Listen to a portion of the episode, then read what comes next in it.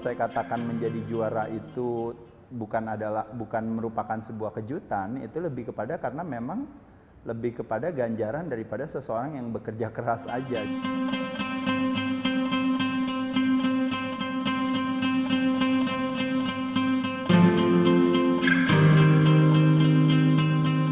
pantas lah kalau misalnya dibilang Mas Ande itu sebenarnya lebih ke apa ya bapaknya binaraga Indonesia.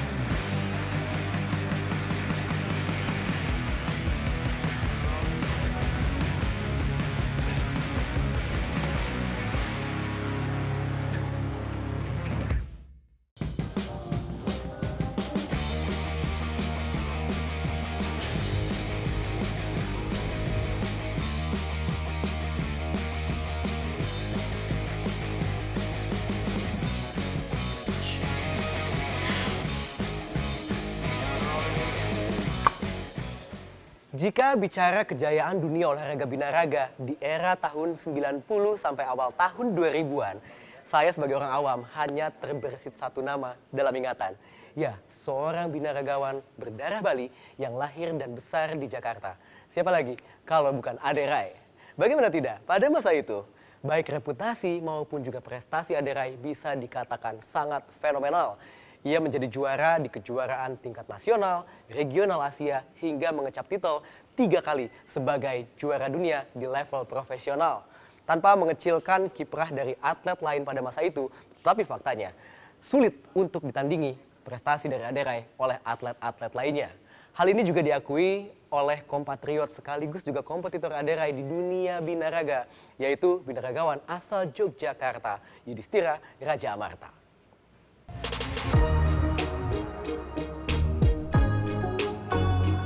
Sosok Mas Adi itu sosok yang fenomenal sekali.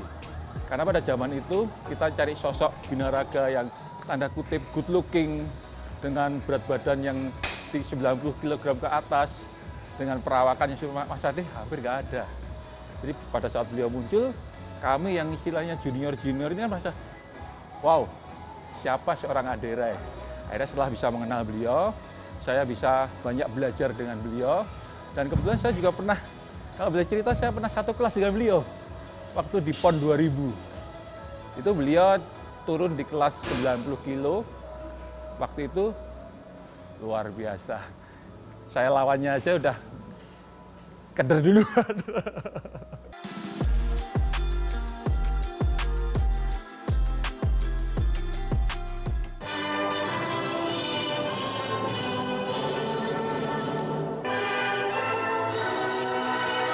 Ya, jadi itu adalah sebenarnya pertandingan amatir saya yang terakhir pada saat itu. Uh, setelah itu saya turn ke profesional tahun 2000. Tahun 1998 itu adalah uh, pertandingan namanya Mister Asia diselenggarakan oleh Asia Bodybuilding Federation. Itu salah satu binara, uh, asosiasi binaraga Asia yang bernaung di bawah International Federation of Bodybuilder IFBB. Setelah tahun 98 itu memang pada saat itu karena kondisi situasi dalam negeri ya di Indonesia waktu itu lagi reformasi dan sebagainya memang uh, pada saat itu terjadi mungkin uh, ya mungkin stagnan lah tidak terlalu banyak ada mengirim atlet ke luar negeri dan sebagainya. Makanya saya berinisiatif sendiri untuk pergi ke kejuaraan-kejuaraan yang tidak resmi tapi yang saya yang diadakannya mungkin di salah satu negara yang maju yaitu adalah di Amerika. Bersyukur pada saat itu mendapatkan kesempatan untuk bisa punya prestasi yang baik atau performa yang baik dan akhirnya ya menjadi satu pengalaman yang bisa saya bawa. Jadi kalau saya katakan menjadi juara itu bukan adalah bukan merupakan sebuah kejutan, itu lebih kepada karena memang lebih kepada ganjaran daripada seseorang yang bekerja keras aja.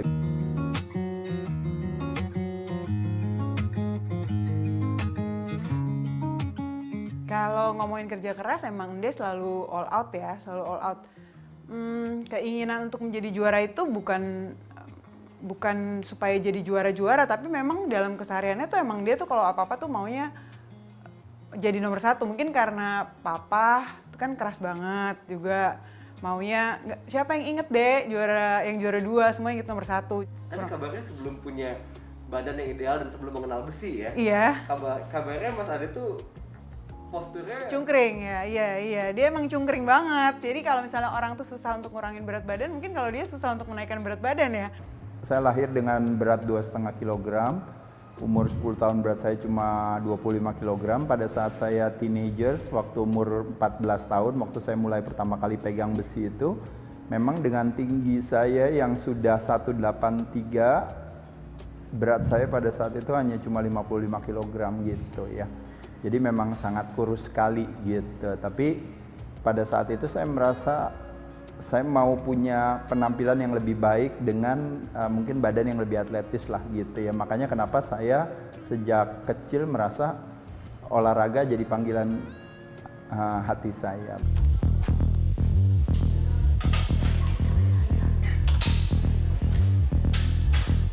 Uh, prioritas saya pada saat itu lebih kepada bagaimana membangun industrinya ketimbang membangun diri saya karena pada saat itu saya merasa tantangannya juga nggak ada karena saya sudah memenangkan tingkat nasional, saya sudah memenangkan tingkat Asia Tenggara, saya sudah memenangkan tingkat Asia dan saya sudah memenangkan tingkat dunia. Tapi pada saat itu kalau saya mau lanjutkan lagi, saya harus lanjut ke kejuaraan profesional dunia yang tidak ada drug testingnya gitu. Nah pada saat itu otomatis dihuni memang oleh para binaragawan-binaragawan yang memang boleh pakai apa saja dalam umbrella si performance enhancement drugs tadi gitu ya, anabolic steroids dan lain-lain. Jadi akhirnya saya bersedia untuk uh, give up uh, mimpi saya untuk menjadi Mr. Olympia atau mungkin apa pun juga di olahraga itu. Tapi saya pikir saya lebih memilih untuk menjadi sehat, bermanfaat bagi diri saya dan orang lain.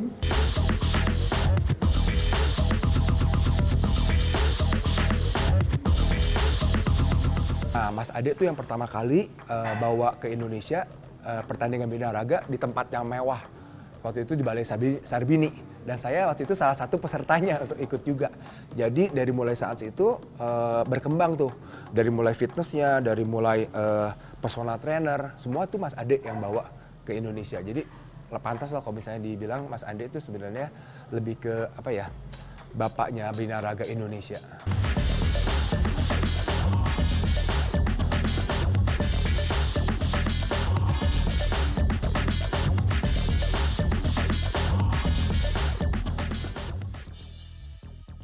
Akhirnya saya mencoba untuk uh, menyebarkan gitu ya dalam tanda kutip gaya hidup sehat melalui binaraga tersebut. Gimana? Sehat ya Arya semua ya? Enggak yang ke gymnya, yang tempat Arya mau latihan fitness. Rajin terus ya olahraganya. Udah belum masuk fitnessnya? Oh udah, iya iya iya iya. Ya, yang rajin ya, berarti pulang sekolah ya ke sana ya.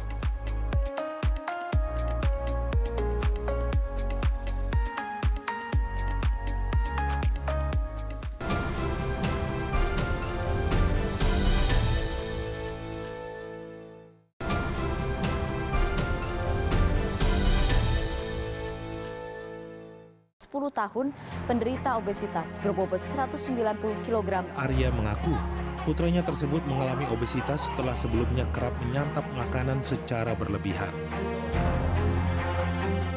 sekolah paling 50 meter bisa berhenti 4 sampai 5 kali. Arya Permana kini berusia 13 tahun. Perubahannya memang benar-benar drastis. Arya yang tinggal di Karawang itu berhasil menurunkan berat badannya hingga 109 kg.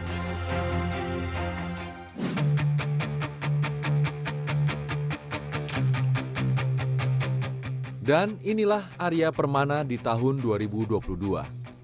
Anak yang sempat memiliki bobot tubuh 192 kg itu kini sudah beranjak remaja. Usia sih mau sekarang mau 17, tinggi 170 sama berat badan 93 om. Arya sudah duduk di kelas 1 SMA dan tak lagi memiliki kendala berarti dalam beraktivitas. Perubahan ini tak lepas dari tindakan medis operasi bariatrik atau pengecilan lambung yang dikombinasikan dengan menjaga pola makan dan olahraga secara konsisten. Paling kerasa sih dari pernapasan gitu. Kalau yang dulu kan jalan udah capek, kayak nggak bisa banyak aktivitas gitu. Kalau sekarang lebih luas gitu aktivitasnya bisa kayak udah bisa futsal, main bola, sama olahraga yang lainnya. Kalau lebih percaya diri sih iya om, kayak lebih pede gitu buat ngelakuin aktivitas. Di balik kesuksesan Arya menurunkan bobot tubuh, ada peran besar dari seorang legenda olahraga binaraga, Aderai, yang mendampingi Arya dan keluarga dalam menjalani pola hidup sehat. Dibantunya sih dari fasilitas olahraga sama dikasih arahan-arahan gitu buat olahraga om. Kayak dari gerakan-gerakan, kayak makanan juga ditakerin gitu harus gimana biar kayak cepet turun sama ngelatih otot-otot juga biar nggak cuman berat badan yang turun tapi tenaganya juga harus kuat. Saya masih ingat kata-kata Om itu. Saya tidak akan kaget apabila mendengar kematian Arya. Kalau Arya dan keluarga tidak bisa merubah pola. Dalam arti merubah pola makan, pola hidup dan sebagainya macamnya. Saya tidak akan kaget karena orang yang obesitas akhirnya kebanyakan itu meninggal dunia. Bukan rahasia umum lagi ya, kalau Mas Ade ini dicap memiliki kontribusi yang besar untuk perubahan perilaku dan juga tentu perubahan berat badan dari seorang Arya Permana dan itu pun juga diakui oleh mereka sendiri oleh Arya dan juga oleh keluarganya. Tapi banyak yang penasaran, sebenarnya treatment itu kayak apa sih? Ya, saya difitnah sebagai orang baik karena ikut berkontribusi menguruskan Arya gitu. Pada kenyataannya sebenarnya saya tidak melakukan apa-apa. Lebih kepada yang saya lakukan adalah lebih kepada pendekatan mungkin personal dan kekeluargaan. Saya tahu bahwa Arya berat badannya naik itu karena ulah perilaku. Nah makanya kenapa siapa yang bisa membantu Arya untuk merubah ulah perilakunya. Nah tentunya adalah menurut saya adalah orang tua. Makanya kenapa kedekatan saya sama Kang Ade Semantri pasti deket. Karena tiap hari SMS-an terus hanya cuma bercerita tentang Kang kalau bisa Arya makannya gini, kalau bisa Arya disuruh ini disuruh itu. Dan ditambah lagi juga pelan-pelan Arya udah makin gede dia masih mulai bisa ngobrol sama saya karena prosesnya kan 4 tahun pada saat itu ya. Dari saya mengenal sampai itu Arya makin juga dekat sama saya. Nah pada saat itulah saya bisa punya pendekatan-pendekatan tersendiri juga. Nah, salah satunya pendekatan yang saya lakukan sebenarnya ada pendekatan dalam tanda kutip adalah terjadinya sebuah penyuapan gitu ya. Saya menyuap Arya dengan hadiah-hadiah yang menarik. Namanya anak kecil pasti senang hadiah yang menarik. Tapi saya selalu memberikan dia persyaratan yang dia harus lakukan sehingga pada saat dia melakukan terpaksa dia harus kurus sebagai dampak konsekuensinya. Arya dan saya memiliki uh, klub sepak bola favorit yang sama Liverpool. Jadi saya beliin uh, uh, merchandise Liverpool, tapi dengan catatan saya bilang dia harus turun dulu berat badannya untuk bisa mendapatkan merchandise tersebut. Dulu kan waktu nurunin hampir 20 kilo dikasih PlayStation kayak gitu om.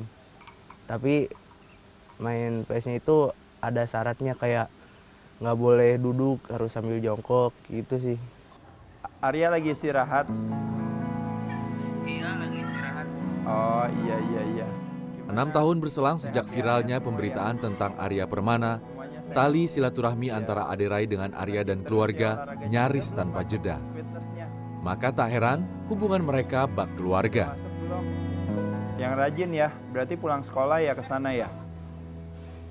Iya, kalau nggak pulang sekolah paling malam. Oh oke okay, oke okay, oke okay, oke. Okay. Ya udah, Iya deh, Arya sehat terus ya. Semua ya, salam mama papa semua ya. Jauh sebelum mengenal Arya, Aderai telah membantu banyak orang untuk menjalani pola hidup sehat. Salah satunya, bantuan serta motivasi terhadap dokter Ludi yang sudah memasuki fase lanjut usia. Sekarang saya 70 plus, ya, ya 70 tahun 7 bulan menjelang 71 insya Allah. Ya, de, memang dulu saya sebelum ketemu Mas Ade itu berat sekitar 90. 90 90 kilo dengan ada penyakit yang paling menyiksa saya itu adalah asam urat yang tingginya luar biasa 14 itu cukup tinggi dan sangat sulit terkontrol dengan uh, obat-obatan waktu itu ya sekitar tahun 2007 waktu saya umur 52 tahun ngobrol-ngobrol sama Mas Ade ikut latihan ternyata sangat efektif. Saya kita kan sebagai dokter kadang-kadang wah Mas Ade pengetahuannya luar biasa ya. Saya pikir itu suatu kontribusi yang sangat bagus sebetulnya untuk uh, membuka wawasan bahwa kita ini sebetulnya sangat mungkin hidup sehat, sangat mungkin sehat dengan cara-cara olahraga yang benar ya. Dan memang terbukti di diri saya loh ya. Minimal sampai detik ini saya di usia menjelang 71 tahun masih belum ada komorbid.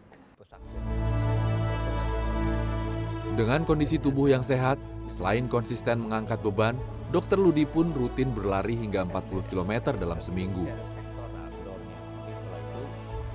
Hal serupa dialami oleh seorang penulis buku yang kini bermitra dengan sang legenda di Rai Institute maupun Rai Fitness Halim Chiang. Mas Ade salah satu yang memotivasi saya tinggi sekali untuk uh, get in shape. Dulu berat saya hampir 80 kilo di tinggi 165 cm. Tapi saya berhasil akhirnya turun dalam waktu enam bulan itu jadi di 65 kilo.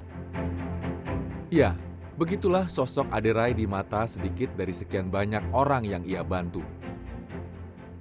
Tak hanya juara di dunia olahraga, tetapi juga menjadikan olahraga sebagai media untuk membantu sesama. Tulang yang kuat, lemak yang rendah itu kita bisa mulai dengan melakukan aktivitas gerakan hanya dengan menggunakan tubuh sendiri yaitu latihan kaki. Gerakannya seperti apa? Dari duduk kita cuma berdiri aja.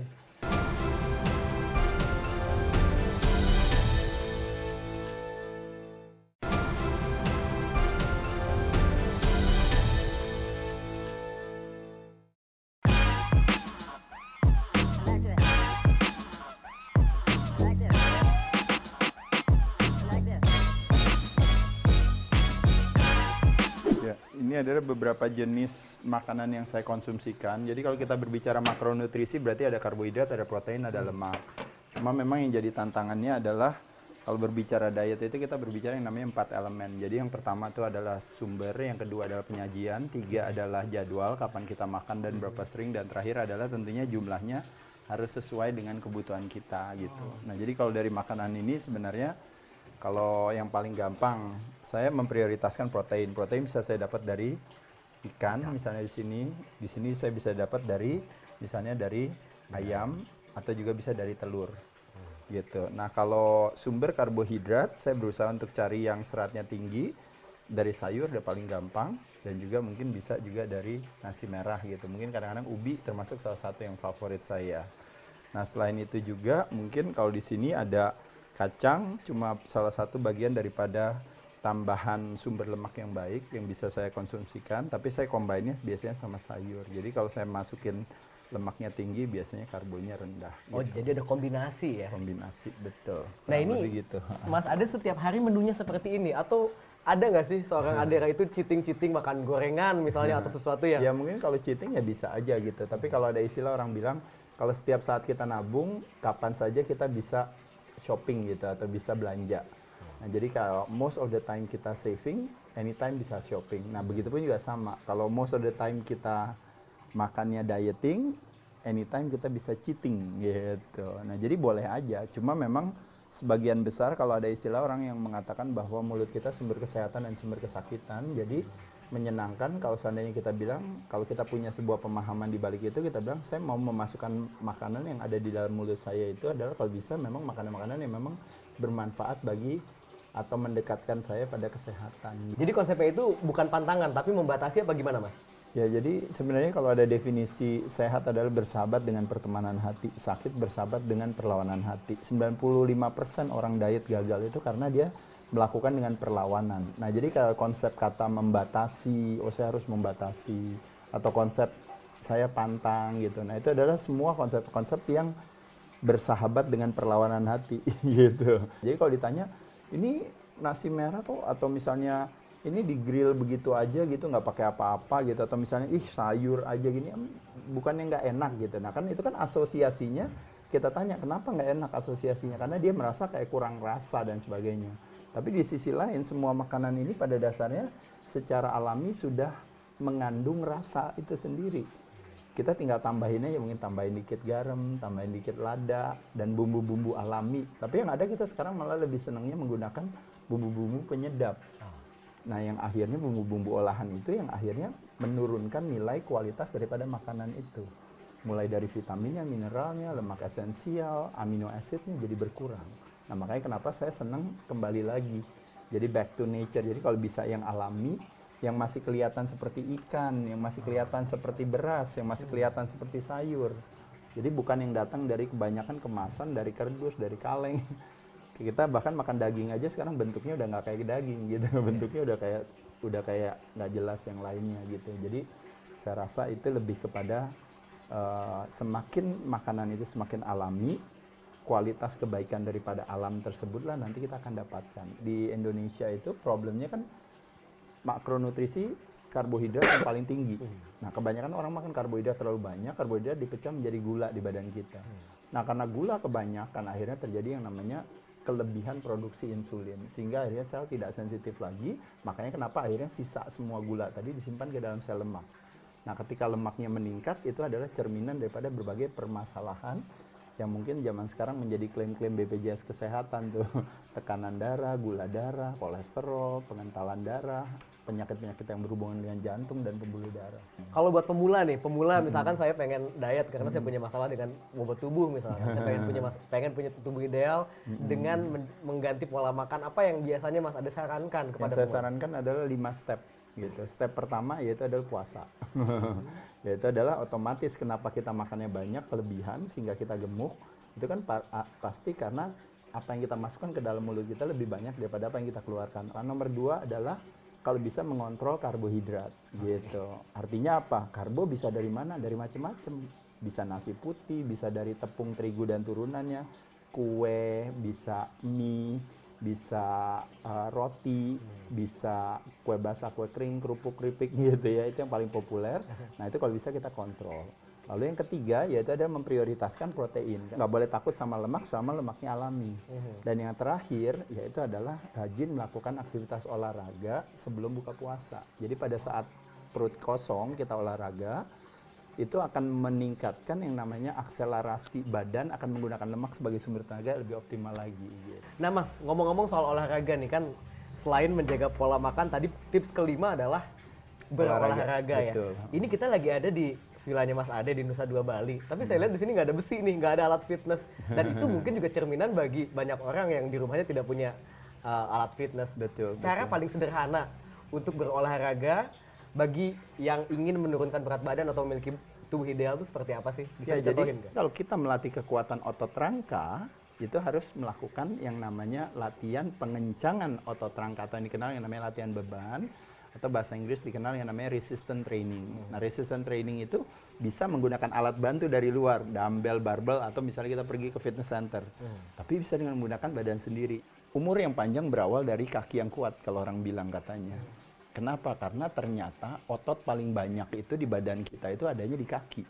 Nah, jadi bicara nanti tulang yang kuat, lemak yang rendah itu kita bisa mulai dengan melakukan aktivitas gerakan hanya dengan menggunakan tubuh sendiri yaitu latihan kaki. Gerakannya seperti apa? Dari duduk kita cuma berdiri aja. Duduk, berdiri aja itu yang disebut dengan namanya squat. Jadi dengan melakukan aktivitas yang sesederhana seperti itu kita melatih itu kalau ibaratnya kayak kalau kita lakukan bicep ini nilai suaranya cuma 110.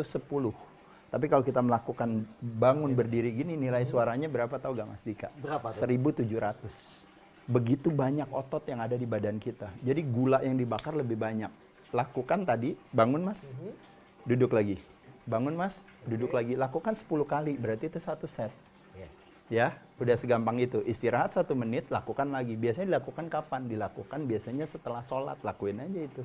Jadi kita bisa punya kesempatan untuk punya satu regular program. Setiap kelas sholat, saya mau squat dua set atau tiga set lumayan Kan satu hari bakar gula. tuh kalau lima kali sholat? Makanya coba bayangin kan banyak banget bisa sampai kurang lebih 30 kalau 3 set 30 kali 50 150 kali squat. Berapa gula yang dibakar, berapa tulang yang dirangsang, berapa potensi untuk akhirnya untuk makanan yang disimpan dalam sel lemak nggak terjadi hanya dengan melakukan aktivitas ini. Bahkan kita bisa bikin tingkat intensitasnya tinggi. Caranya gimana, Mas? Waktu kita naik sama-sama ya, naik turun lagi, naik turun lagi. Pertanyaan saya, apa yang ada di kepala Mas Dika? Adalah yaitu membayangkan, oh bokong saya saya naikin aja ke atas, ya kan? Jadi gampang dong. Nah sekarang saya bikin susah. Yaitu adalah apa? Waktu kita naik ke atas, kita membayangkan menekan lantai ini ke bawah. Sama-sama. Naik, tekan lantainya ke bawah. Hmm. Naik, tekan lantainya ke bawah. Naik, tekan lantainya ke bawah. Iya, sekali lagi naik, tekan lantainya ke bawah. Nah pada saat itu menjadi lebih berat. Berarti gula yang dibakar menjadi lebih Lebih banyak. lebih banyak. Iya, sehat bukan yang utama, tapi tanpa sehat yang utama tidak bisa diraih. Sehat bukan tujuan, tapi sehat adalah sebuah syarat.